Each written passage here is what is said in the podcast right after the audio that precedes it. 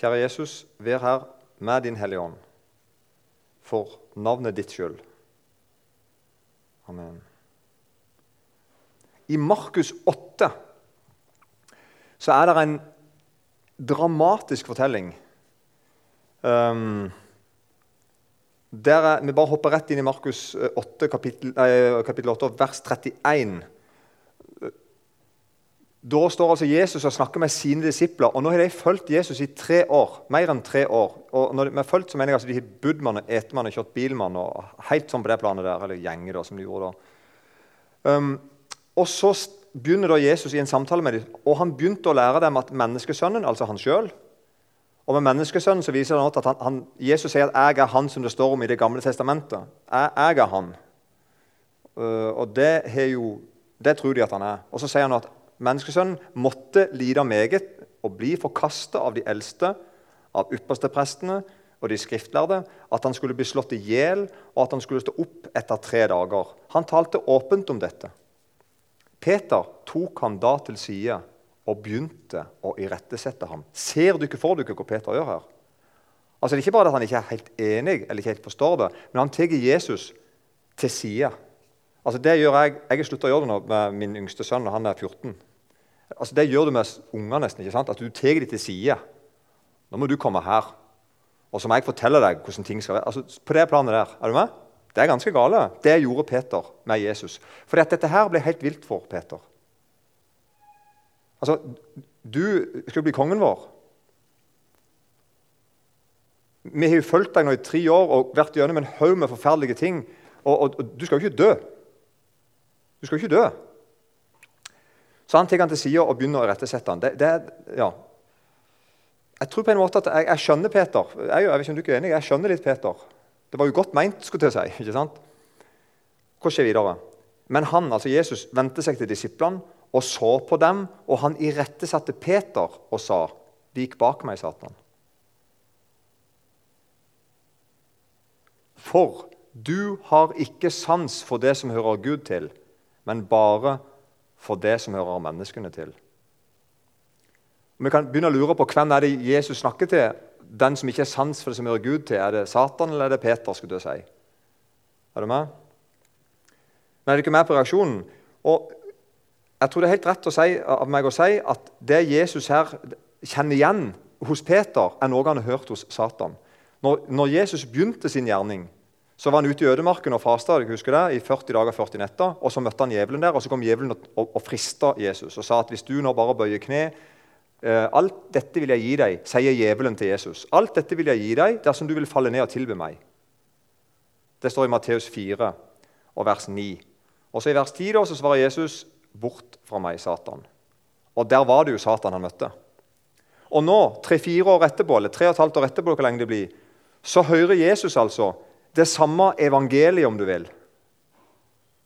For det, det djevelen gjør, er jo, Han tilbyr Jesus noe. Han sier at hvis du nå bøyer ned og tilbyr meg, altså anerkjenner meg som denne verdens uh, første og herre, så skal du få denne jorda. Skal du på en måte bli konge ved denne jorda. Du skal slippe å gå gjennom den lidelsen din og så, og så bli konge til slutt. Du kan bare bli konge nå. Altså sånn. Satan tilbyr seier uten lidelse. Er du ikke med? Og nå står, Jesus, nå står, Peter, Jesus sin egen disippel, og anbefaler han å bli konge uten, uten å lide. Og Dette vil jeg snakke litt med dere om. For det er sånn òg nå i livet ditt at Satan tilbyr deg å seire uten å lide. Det er evangeliet han heter deg. Kulan. Ha det fint. Ha det godt. Oppsøk, komform, altså oppsøk det trygge. Ligg unna alt som er skummelt. Bare, bare tilbe heller meg her, så skal jeg gi deg alt dette som du egentlig, som er rett av deg å trakte etter. som er rett av deg å få. Er dere med på dette her? Og En kristendom som blir sånn, en kristendom som tror at det går an å seire uten å lide, det er en kristendom som mister kraften sin. Da får vi skinn av gudsfrykt, men vi, men vi fornekter dens kraft. Det er ingen seier i Guds rike uten lidelse. Jesus går foran og viser oss det ultimate eksempelet på det. skal jeg si. Og det, Han gjorde det ikke for å være et eksempel, han gjorde jo noe helt konkret. Han gikk inn i døden for meg og deg. ble pint av Pontus Platus, ble korsfesta og døde og ble begravd, for ned til dødsriket. Lidelse av en annen verden. Og så reiste Gud han opp som seierherre og viste han for hele, for hele åndeverdenen og for Satan. Sånn ser min seierherre ut. Kan den lidende Kristus, den seirende Kristus. Sånn, sånn, sånn får du som hører Jesus òg. Du veit dette her. Det er en del lidelse jeg må inn i, men det er for å seire jeg gjør det. Det ser ikke lyst ut akkurat nå, men det er rett av meg å gjøre det. Tenk å stå der på sida av Jesus som henger på korset. Det må jo være sånn taperfølelse. Det den verste måten å dø på du kunne få. Det var sånn forbrytermåten å dø på. Hengt på et kors. Og stort sett hele folket ville det. Og så vet vi, da, 2000 år etterpå, at det var da han vant. Nettopp akkurat når han døde. Da vant han. Han ga deg evig liv. Hadde Jesus knelt for Satan tilbake for 2000 år siden, så hadde han sikkert fått den jorda og vært herre over, men han hadde ikke blitt herre i min og din. Han hadde ikke vunnet ved synd vår. Han hadde ikke gitt dere evig liv. Dette her er veldig viktig. Og faktisk så skriver Paulus sånn, Det blir to-tre bibelvers. jeg håper Det er greit. Ja, Det er greit, faktisk, for det er litt av poenget mitt. Dette er ikke sånn bare tanker. ikke hele sånn. I Filipperbrevet 1 så skriver Paulus sånn Se bare til, altså pass på, at dere lever et liv som er Kristi evangelium verdig. Ok, Hvordan ser det livet ut, som er på en måte er Kristi evangelium verdig? Og så sier han at sånn at jeg enten jeg kommer og, besøk, og besøker dere, eller ikke kommer. Så han sier egentlig sånn at lev sånn et liv, ikke sånn for å please meg. Men om jeg kommer eller ikke kommer, glem det. Det er ikke det, det, er ikke det du skal tenke på. Nå må, nå må vi oppføre oss kristelig, for snart kommer Paulus. Han som på en måte førte oss til Kristus og dannet denne menigheten. Nei, han, han sier Glem meg. Men at jeg kan få høre at du ikke står fast i én ånd, og med én sjel kjempe for troen på evangeliet, og på ingen måte lar dere skremme av motstanderne. Dette er, være, dette er, å leve et liv som er Kristi evangelium verdig. Det høres litt bråkete ut, gjør det ikke det? Det er et eller annet bråk her. Et eller annet humpete, bråkete, ikke sånn komfortaktig i det. Og Det ber han for. Jeg håper du ikke har det sånn. Jeg ber om det. Og ikke bare sånn for å please meg når jeg kommer, men jeg håper du ikke har det sånn uansett. Og så fortsetter han at for de som ikke er det sånn, så er det et varsel om fortapelse. Altså De som ikke tror på Jesus, når de, når de, ser motstanden de kristne får, så sier Paulus det er til et varsel for dem om fortapelse. De, på måte, de ikke-kristne ser ektheten av kristendommen når de kristne møter motstand. Er du ikke med på den? Sånn er det nå òg. Jeg vil en milliard på Jeg vil faktisk en milliard, jeg har jo ikke det, men jeg trenger ikke ha det, for jeg, jeg, jeg må aldri betale den ut. Jeg vil en milliard på at det er en haug med nordmenn òg som vet at det han Alf Magnus forkynte i den kirka, antageligvis er riktig. Er det hva? De vet det sånn egentlig. Jeg er sikker på det. Og når han får motstand, så vet de det enda bedre. Det er et varsel for dem hva da, om fortapelse hvis ikke de, hvis ikke de vender om og, og, og, går til Gud, går til Jesus. Er ikke med på dette? her? Så det er, uansett, det er, det er et varsel for, den, uh, for de som ikke tror, men for de som tror, så er det et varsel om frelse. Det er et bra tegn for du som hører Jesus til, når du hører motstand mot Jesus og mot Guds rike. Da vet du at mye tyder på at jeg er på riktig plass nå. Mye tyder på at jeg hører Jesus til. Mye tyder på at jeg kommer til å lide av samme skjebne som Jesus. Ikke bare nå når jeg lider, men òg nå når jeg skal herifra. Da skal jeg òg hjem. Jeg òg er Gud til far. Jeg òg skal arve Guds rike, sånn, arve, arve, himmelen, sånn som, arve alt sånn som Jesus skal. Jeg er hans medarving. Jeg er bror hans.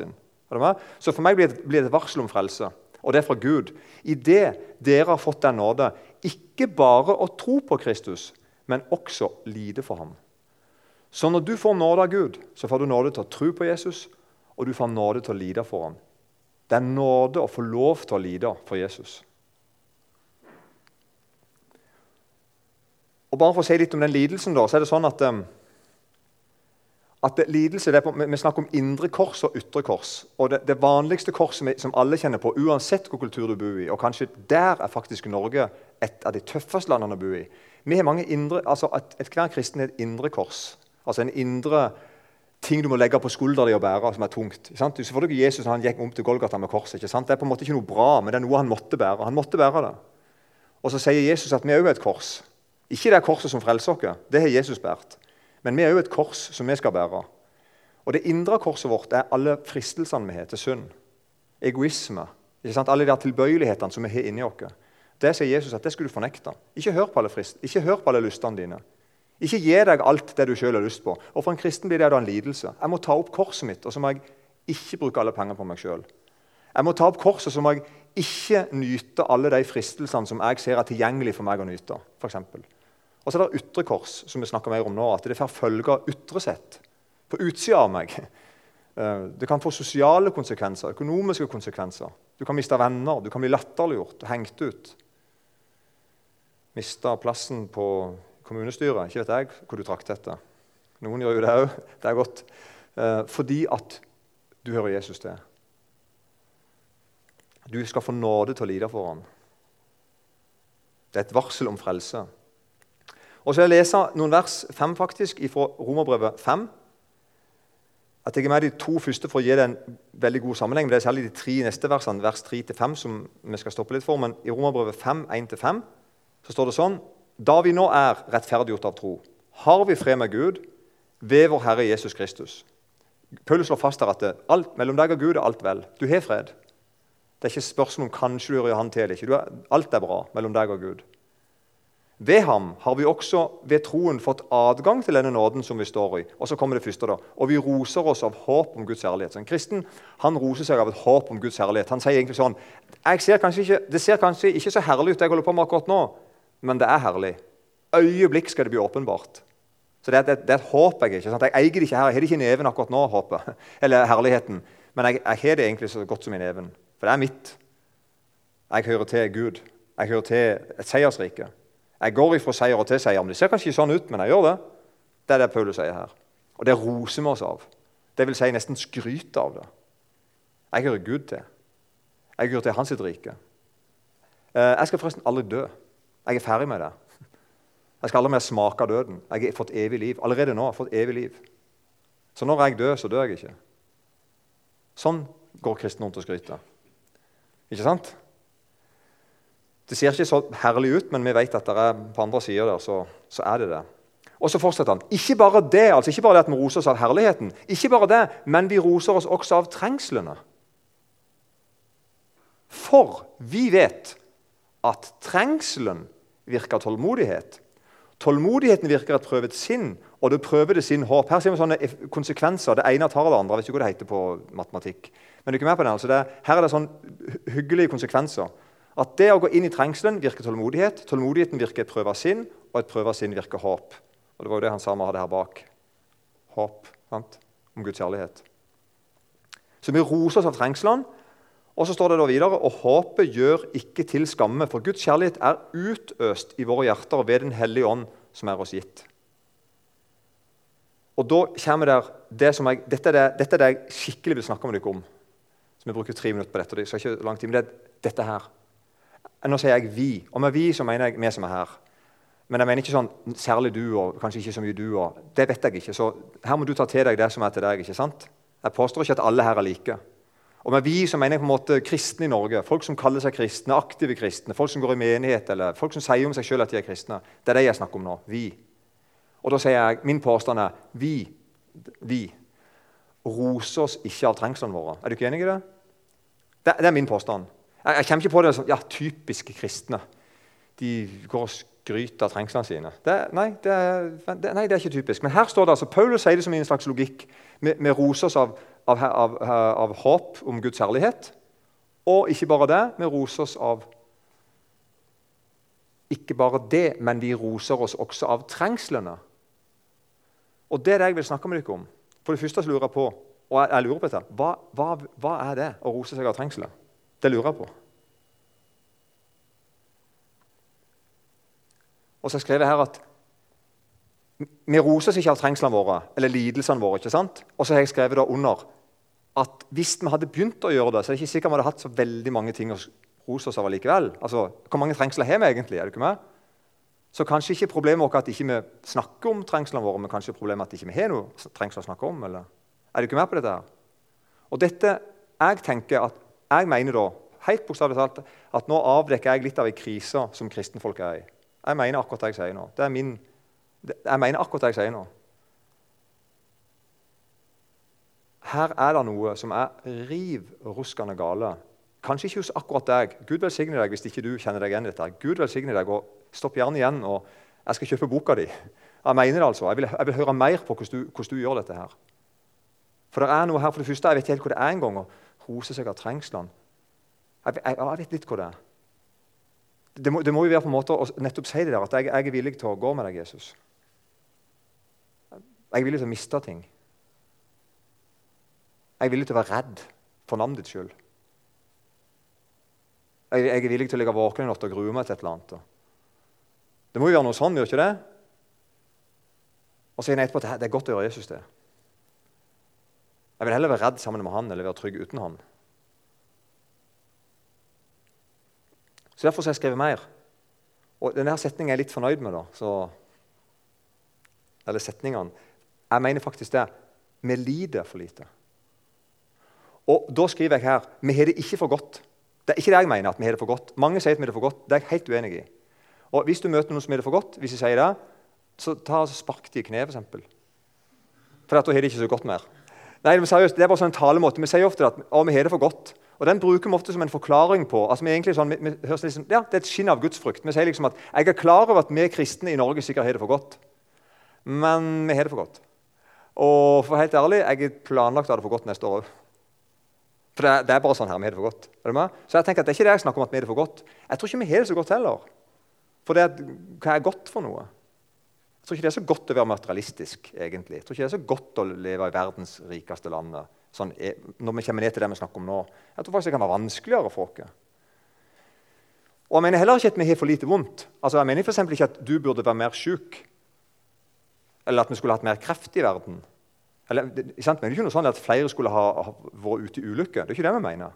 Det er jo helt, helt vill tanke. Det er ikke det vi snakker om. Skjønner du ikke hva jeg differensierer her? Altså, Vi lider for lite, men ikke så mye at vi har det for godt eller at vi, eller at vi har det for lite vondt. Hva er det da igjen? Jo Er du ikke med på hva jeg mener nå? Jeg, jeg opplever at hele meg er innstilt på at uh, opp, jeg, jeg søker trygghet i alt jeg gjør. Og mine kristne venner er helt enige med meg. Ja, ja, ja, ja. Nei, jeg må ha trygghet. Kan skjønne du må ha trygghet. Du må ikke ha fare. Galen. Lidelse. Fytti for å komme vekk fra det. Og vi, og vi, håper det for ungene våre, barna våre. Tenk deg hvis mine, noen av mine unger skulle komme ut i trengsel. Uff a meg, det må ikke skje. liksom. Det er ikke at jeg ønsker at de skal komme ut i ulykke. Du skjønner hva jeg mener. Men, men jeg, må, jeg, må, jeg, må, jo forstå at hvis mine unger skal følge Jesus, så vil de komme inn i noe som ser pyton ut. Og jeg må kanskje ikke stå i veien mellom deg og Jesus. Jeg må kanskje ikke være han som Jesus sier til 'Vik bak meg, Satan'.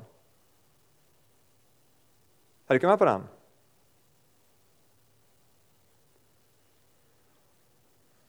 Vi lider for lite. Jeg tenker ikke på det, jeg ber ikke om det, jeg oppsøker det ikke. Jeg tvert imot går ifra det, anbefaler ingen andre å gjøre det, og går vekk ifra det og lager en slags kristenforståelse av at sånn er det jo ikke å være kristen. Det er jeg redd for. Jeg vet ikke om dere er, der, om dere er enige med meg nå, men gjerne snakk med meg etterpå. Jeg er ikke sånn selvmordsbomber. altså. Det er ikke noe sånn. Jeg ønsker ikke å ha det vondt. Det er ikke sånn at jeg liksom gjørs på å, å, ha det vondt. Så det er ikke det jeg snakker om. Men her er det noe å kjenne på. Åh, oh, her, her, er det noe vi ikke får tak i. For mange år siden var jeg sammen med en fyr som, uh, som flykta fra et land som jeg ikke kan navnet på. Det slutta på Igisistan. eller noe sånt. Der er tre stater som heter nesten Kirgisistan. Kanskje var det, jeg ikke sikker. Far hans var den første som ble kristne i det landet. ever. Og Han var lærer, og han fikk lov til å være kristen, for han var lærer og intelligent. liksom, så det var, det var greit da. Men så begynte flere å bli kristne, og så ble det forfølgelse. Og så måtte han her fyren her, som da het Batyr Han, et, han bare bytter navn hele tida. Men da het han Batyr, husker jeg. Og Jeg traff han her i Kristiansand, og så traff jeg han på Drottningborg, faktisk, i Grimstad. Uh, der var jeg sammen med han i helg. Han måtte flykte, og etter hvert kom han til Norge. Og Nå vil han tilbake til det landet og, og vite om Jesus, men han fikk, han fikk ikke lov å komme inn. Og Hadde han kommet inn, så kunne han blitt drept omtrent. altså. Og Han var da i andre land nedover, der det er veldig farlig å være kristen. Og Han hadde flere ganger blitt fengsla. En gang ble han frigitt av amerikanske soldater på en ambassade i et land. Det, på, faktisk, det var VG eller Dagbladet som redda dem. De blåste opp en stor sak for mange år siden om at noen kristne var fanga. Og så, av den grunn så kom at media blåste det opp, så kom det amerikanske styrker og redda dem ut. Da. Han snakket med, han var snakket for en haug ungdommer på Dortningborg på en ungdomssamling. Og Så spør jeg han, han var gift, hadde to-tre unger. Så spør jeg han, hva sier kona di til deg når du reiser ut på jobb. Sånn, jeg skal bare ut og vitne litt. Det kan være å bli skutt. Snakkes. Eh, kanskje. ikke sant? Altså litt sånn, Hva sier kona di når du reiser ut? Og Så smilte han til meg så sa han, hun sier, Lykke til. Dritbra sagt. Sånn er det. Selvfølgelig ønsket hun å få han hjem i livet. Vi skjønner jo det. Og selvfølgelig prøvde han å holde seg i live òg. Selvfølgelig. Han var glad for å bli redda så ikke han døde. Men allikevel, han var villig til å på en måte ta den kostnaden. Og kona hans var med på det. Jeg, jeg, jeg, eh, jeg faktisk lo ikke når han sa det. Jeg begynte å grine når han sa det. For det var så overraskende deilig å høre det.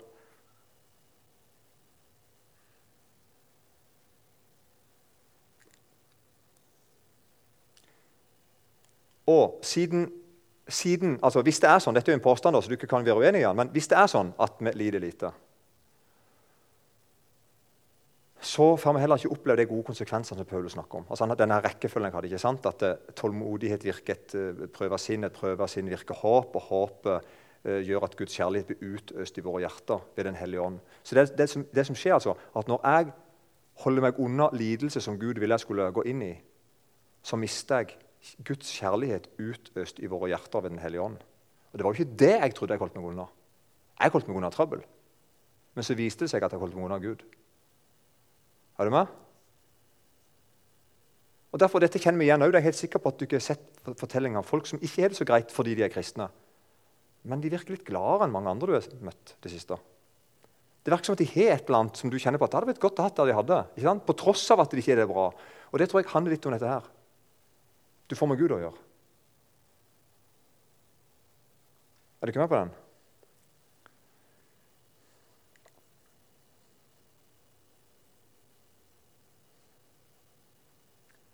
Jeg kan bare si for min del at hvis jeg ikke hadde hatt det vanskelig, så hadde ikke jeg bedt til Gud. Hvis jeg ikke hadde det vanskelig, så hadde jeg ikke lest i Bibelen. Jeg er ekstremt lite åndelig. Bare, bare spør Therese. Hun er i slekt med meg. hun vet Det Det er sant. Jeg går rykter om meg rundt forbi at jeg er lite åndelig. Jeg er, jeg er, faktisk veldig lite åndelig. Jeg er ikke åndelig anlagt. Det passer meg veldig lite å være det. Uh, men det som skjer er at jeg får trøbbel, så jeg blir nødt til å be til Gud. Jeg, jeg, jeg, opplever trøbbel. Jeg er nødt til å snakke med Gud og be til ham. Jeg er nødt til å få et vers jeg kan leve på en dag eller to til.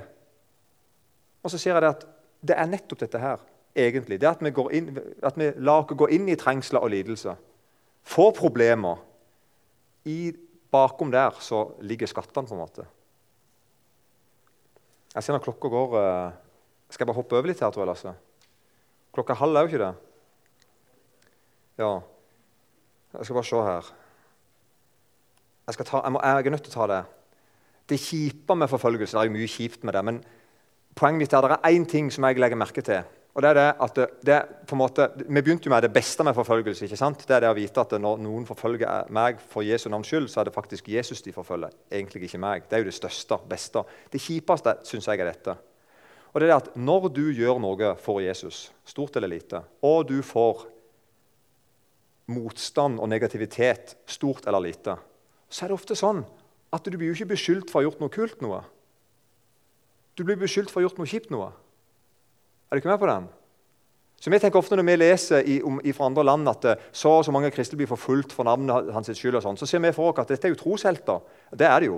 Og vi ser for oss at vi de nesten er skilt om det, troshelt. Og at nesten alle i det landet vet at jeg er naboen til en troshelt. Han ble drept i går fordi han er kristen. Det er ikke sånn det funker. Han, eh, det er ikke sikkert naboen bryr seg om at han ble drept i går en gang. Og hvis han vet, bryr seg om det, så vet han at ja, han var, han var jo, det var jo han som stjal eh, Det var jo han som robba banken i forgårs. Det var iallfall det politiet sa. Sånn funker det. Er ikke med på den? Det er det som er kjipt med det. Så altså når, når Paulus for skriver brevet til Timoteus Det tror jeg var i år 67 etter Kristus. I år 67. I år 64 etter som jeg forstår, jeg altså, Glem litt tallene, men jeg er ikke sånn, jeg bommer ikke med hundrevis år. Jeg bommer kanskje med to i tilfelle. Men jeg tror i år 64 så brant Rom. Byen Rom brant. Og det som da skjedde var at Keiser Nero han la skylda på de kristne. Så de kristne ble drept i hopetall ikke fordi de var kristne, men fordi de var beskyldt for å sette fyr på byen. Så når vi som leser om at de første kristne ble forfulgt Dette er jo de første kristne. så til de grader. Sant? Når de ble forfulgt og drept for Jesu navns skyld, så er det sant. Men offisielt så ble de drept fordi de hadde sett, sett fyr på en hel by og drept en med folk. I tillegg var det rykte om at de drakk barneblod, og at de drepte babyer. Det var litt med at de hadde barnedåp og sånn antageligvis. Det gikk rykte om at folk misforsto nattverd, blod og, og vin. og, og og, og, og, sånn, slik det rykter om blanda med ting og tang. nører med til historien at Nero, grunnen til at Nero gjorde det, det var ikke plent at han heller hata kristne. Han bare så at kristne var hata. De var nederst på rangstigen. så det var, det var det han ble med. Men det som var grunnen hans, var at han ble beskyldt for at kanskje det var han som hadde gjort det. For han hadde sagt at han var lei av Roma, var så stygg by, det var så mye plankebygninger. Han kunne egentlig bare sette fyr på skitten. Og så begynte byen å brenne. Så han ble jo livredd for å få skylda. Men hva gjorde han da? Han så på hvem er minst, stand, altså, hvem er minst respektert her i byen. Ja, de kristne. Da tar vi dem. Og så ble det en storpolitikk i det. da. Med andre ord, sikkert ikke sånn jeg var villig til å dø for Jesus. liksom. Det ble liksom ikke sånn for mange kristne. Det ble kjipt. Er dere med på den? Det ble trasig. Det ble beskyldninger, falske anklager, løgn. Kanskje naboen kom bort og sa og du som var kristen, jeg trodde du var sånn en grei kar, og så går du rundt og setter fyr på byen. Noe. Skjønner du? Altså, Sånn blir det, liksom. Og det, det, det, tenker jeg må være noe av det kjipe med det. Jesus ble beskyldt for å være en slags politisk opprører. Han lagde bråk i gatene. Og Derfor sier også Jesus faktisk da, i Matteus 5 så sier han sånn Salige er de som blir forfulgt for rettferdighets skyld. Ja, for himmelens rike er deres. Ja, salige er dere når de spotter og forfølger dere og lyver all slags ondt på dere for min skyld. Gled og fryd dere, for stor er den lønn dere har i himmelen. For slik forfulgte de profetene før dere. Så Jesus sier dette her, at du ikke kommer til å bli lygd på. Det kommer dessverre ikke til å bli så bra som han Alf Magnus opplevde. Han ble jo beskyldt for å ha holdt en tale som jeg og deg kan lese. Så kan jeg gjøre opp en mening om det, så kan vi si at nei, vi faktisk syns Alf Magnus var kjempebra. Ikke sant? Det er noe fair med den kampen der. Det er jo åpenbart det, det, det, det, er ikke noe sånn feigetrikk som er i bildet. Men det hadde vært verre hvis vi begynte å høre at Alf Magnus var kriminell. Eller hadde, eller hadde gjort noe kriminelt, eller, ikke sant? eller hadde gjort noe stygt. eller, Skjønner du ikke? Og så går det rykter om han. Ja, du ikke skjønner hva jeg mener. Så Jesus han sier det at du som hører Jesus til, du kommer til å oppleve forfølgelse. Eh, det er et kjennetegn på at du hører Jesus til. at du opplever det. Og da skal du huske at når jeg nå blir forfulgt, himmelens rike er mitt. Jeg blir jaga, og det er en av bevisene på. nærmest. Jeg kan, ja, Oi, jeg blir forfulgt. Ja, Hva var det Jesus sa om deg? Himmelens rike er deres. Wow. Og så kommer det nedi her. Gled og fry dere, for stor er den lønn dere har av himmelen. Og noen ganger, og det skal jeg fortelle antageligvis nå til slutt, tror jeg. Nei, jeg skal ta en ting til, faktisk. Men um, noen ganger, noen veldig få ganger har jeg sittet sammen med noen andre voksne folk på min egen alder og som har gjort det Jesus sier her. Og jeg vil påstå at vi gjør det for lite. Det mener jeg, jeg mener at Vi gjør det for lite. Noen ganger, et par ganger, Det er faktisk ikke mange år siden første gang jeg satt sammen med en liten gjeng andre kristne øh, kvinner og menn. Og så hadde vi et stort problem. Det hadde skjedd noe helt forferdelig. Og det gikk veldig stygge rykter om oss. Og vi så etter hvert at så langt vi kan se, så handler dette kun om at vi ønsker å høre Jesus til. Det handler ikke om at vi har drept på draget, liksom. gjort noe dumt, hissa på hvor folk er unødvendig. Vi er sikkert ikke perfekte, og sånn, altså, men allikevel, det handler til sjuende og sist om at vi ønsker å høre Jesus til. Og på grunn av det, direkte av det, så får det ned følger. Og så samles vi en gjeng og snakket. Først var vi litt sånn redde og opprørte. ikke sant? Hva skal vi si? Og tenk hvis, Hva skjer hvis vi kommer til oss? Eller tenk hvis folk tror på dette her? Og, sant? Ja, det, Jeg gidder ikke gå i detalj, men det var ganske ekle ting. Og Så ble vi enige om hva sier Bibelen om dette. Det der. Så tenkte vi skal vi gjøre det? Altså glede, glede og fryde dere. Skal vi gjøre det? Så, så, gjorde vi det. Det var helt sånn en rar følelse å gjøre det. Inni meg kjenner jeg sånn, sånn protest. Kan jeg, kan jeg takke Gud? Kan jeg takke Jesus Kristus for at jeg nå sitter sammen med en liten gjeng her med folk som de snakker skitt om? For det må gjør Jesus til. Og så begynte jeg å gjøre det. Høyt med lyd på. Først litt inni meg. Og så begynte jeg å takke høyt så andre hører på. Og så begynte noen andre rundt meg å takke, takke dem òg. Så hører vi hverandre. Nå sitter vi her en gjeng, og så takker vi Jesus for hvorfor vi får lov å gjøre han til.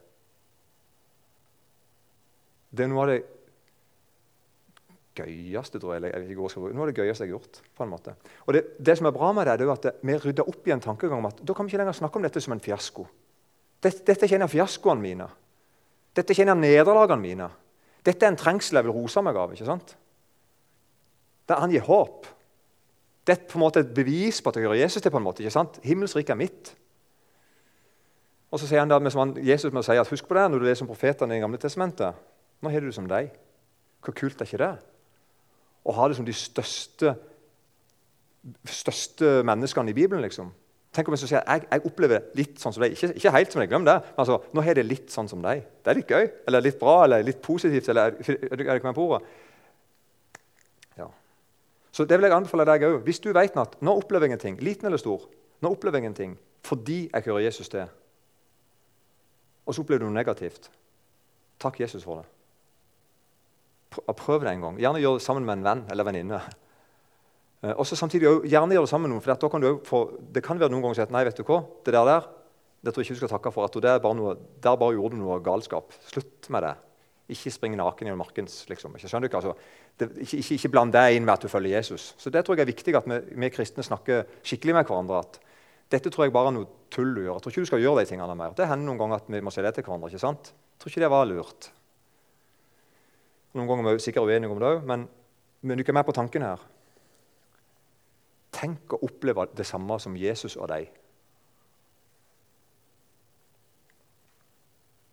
Og Her ser du, da, her ser du, på en måte triks. Jeg har skrevet triks til overskrift. Dette er fra Apostelens gjerninger 13. Og Her er bare poenget mitt å si at noen ville ta Paulus og Barnabas fordi at de Guds rike gikk fram så det føk etter, og det skjedde svære tegn under rundt dem, og Samtidig provoserte de mange folk, alle som ville ha makt, alle som ville ha innflytelse, og alle som ikke var enige i det de sto for. Så ser du her, Men jødene fikk hisset opp de fornemme kvinnene som holdt seg til jødenes tro, og de fremste menn i byen. Og de fikk i stand en forfølgelse mot Paulus og Barnabas. Ser du ikke? Det er triks. altså. Og Ofte er det sånn det fungerer. At uh, Noen folk som ønsker å ta deg for å gjøre Jesus det, de må på en måte alliere seg med noe og, og, og trikse litt. ikke sant? lyge noe, få noen til å alliere seg som egentlig ikke er venner, og få noen til å reagere og ause seg opp. og Så går han og snakker med henne, og så, her ser du det var da byens fornemme dame og menn. Og så dreiv de de bort fra områdene. Og faktisk i dette tilfellet her så måtte Paulus og Barnabas gå. og var, Sånn fortsetter det. De drev dem bort fra sine områder. De ristet da støvet av føttene sine mot dem og dro til Ikonium, nabobyen. Men disiplene ble fulgt av glede og Den hellige ånd. Rart, men på en måte ikke rart. Det er sånn det er. Så oppsummert, da tror jeg, tror jeg, skal, jeg, har en del til, men jeg tror bare at vi skal, vi skal stoppe der. Oppsummert da, at Vi har egentlig ikke så mange valg, tenker jeg da. Altså, vi skal ikke oppsøke trøbbel. En kristen skal ikke tenke sånn at nå skal jeg gå og finne trøbbel, for det er visstnok kult. Kristne, det er kult å ha trøbbel. Nei, nei, nei. nei, nei. Det fins ikke kult. Jo, jo, mindre bråk du kan slippe å få, jo, mer, jo bedre er det. Men, vi, men likevel, vi unngår ikke trøbbel. Vi, altså, vi skal ikke oppsøke ikke-trøbbel. Det var ikke det godt sagt? Det var egentlig ikke det, men det var det beste jeg kom på i farten. Vi skal ikke oppsøke trøbbel, og vi skal ikke oppsøke ikke-trøbbel. Vi skal ikke liksom gå og lete etter hvor det Nei, vi skal, vi skal, følge, vi skal følge Jesus. Og så skal vi vite at noe kommer, gå, noe kommer, til å bli bra nå, og noe kommer til å bli trøbbel nå. Men jeg følger han. Jeg følger ikke trøbbel. Eller ikke trøbbel. Jeg følger han.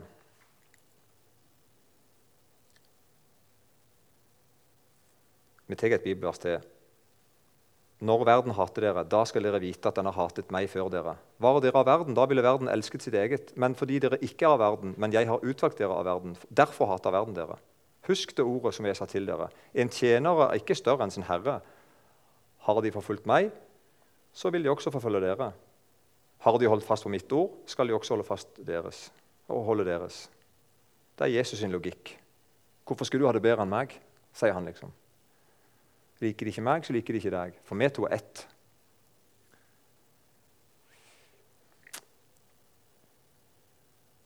Jeg stopper der.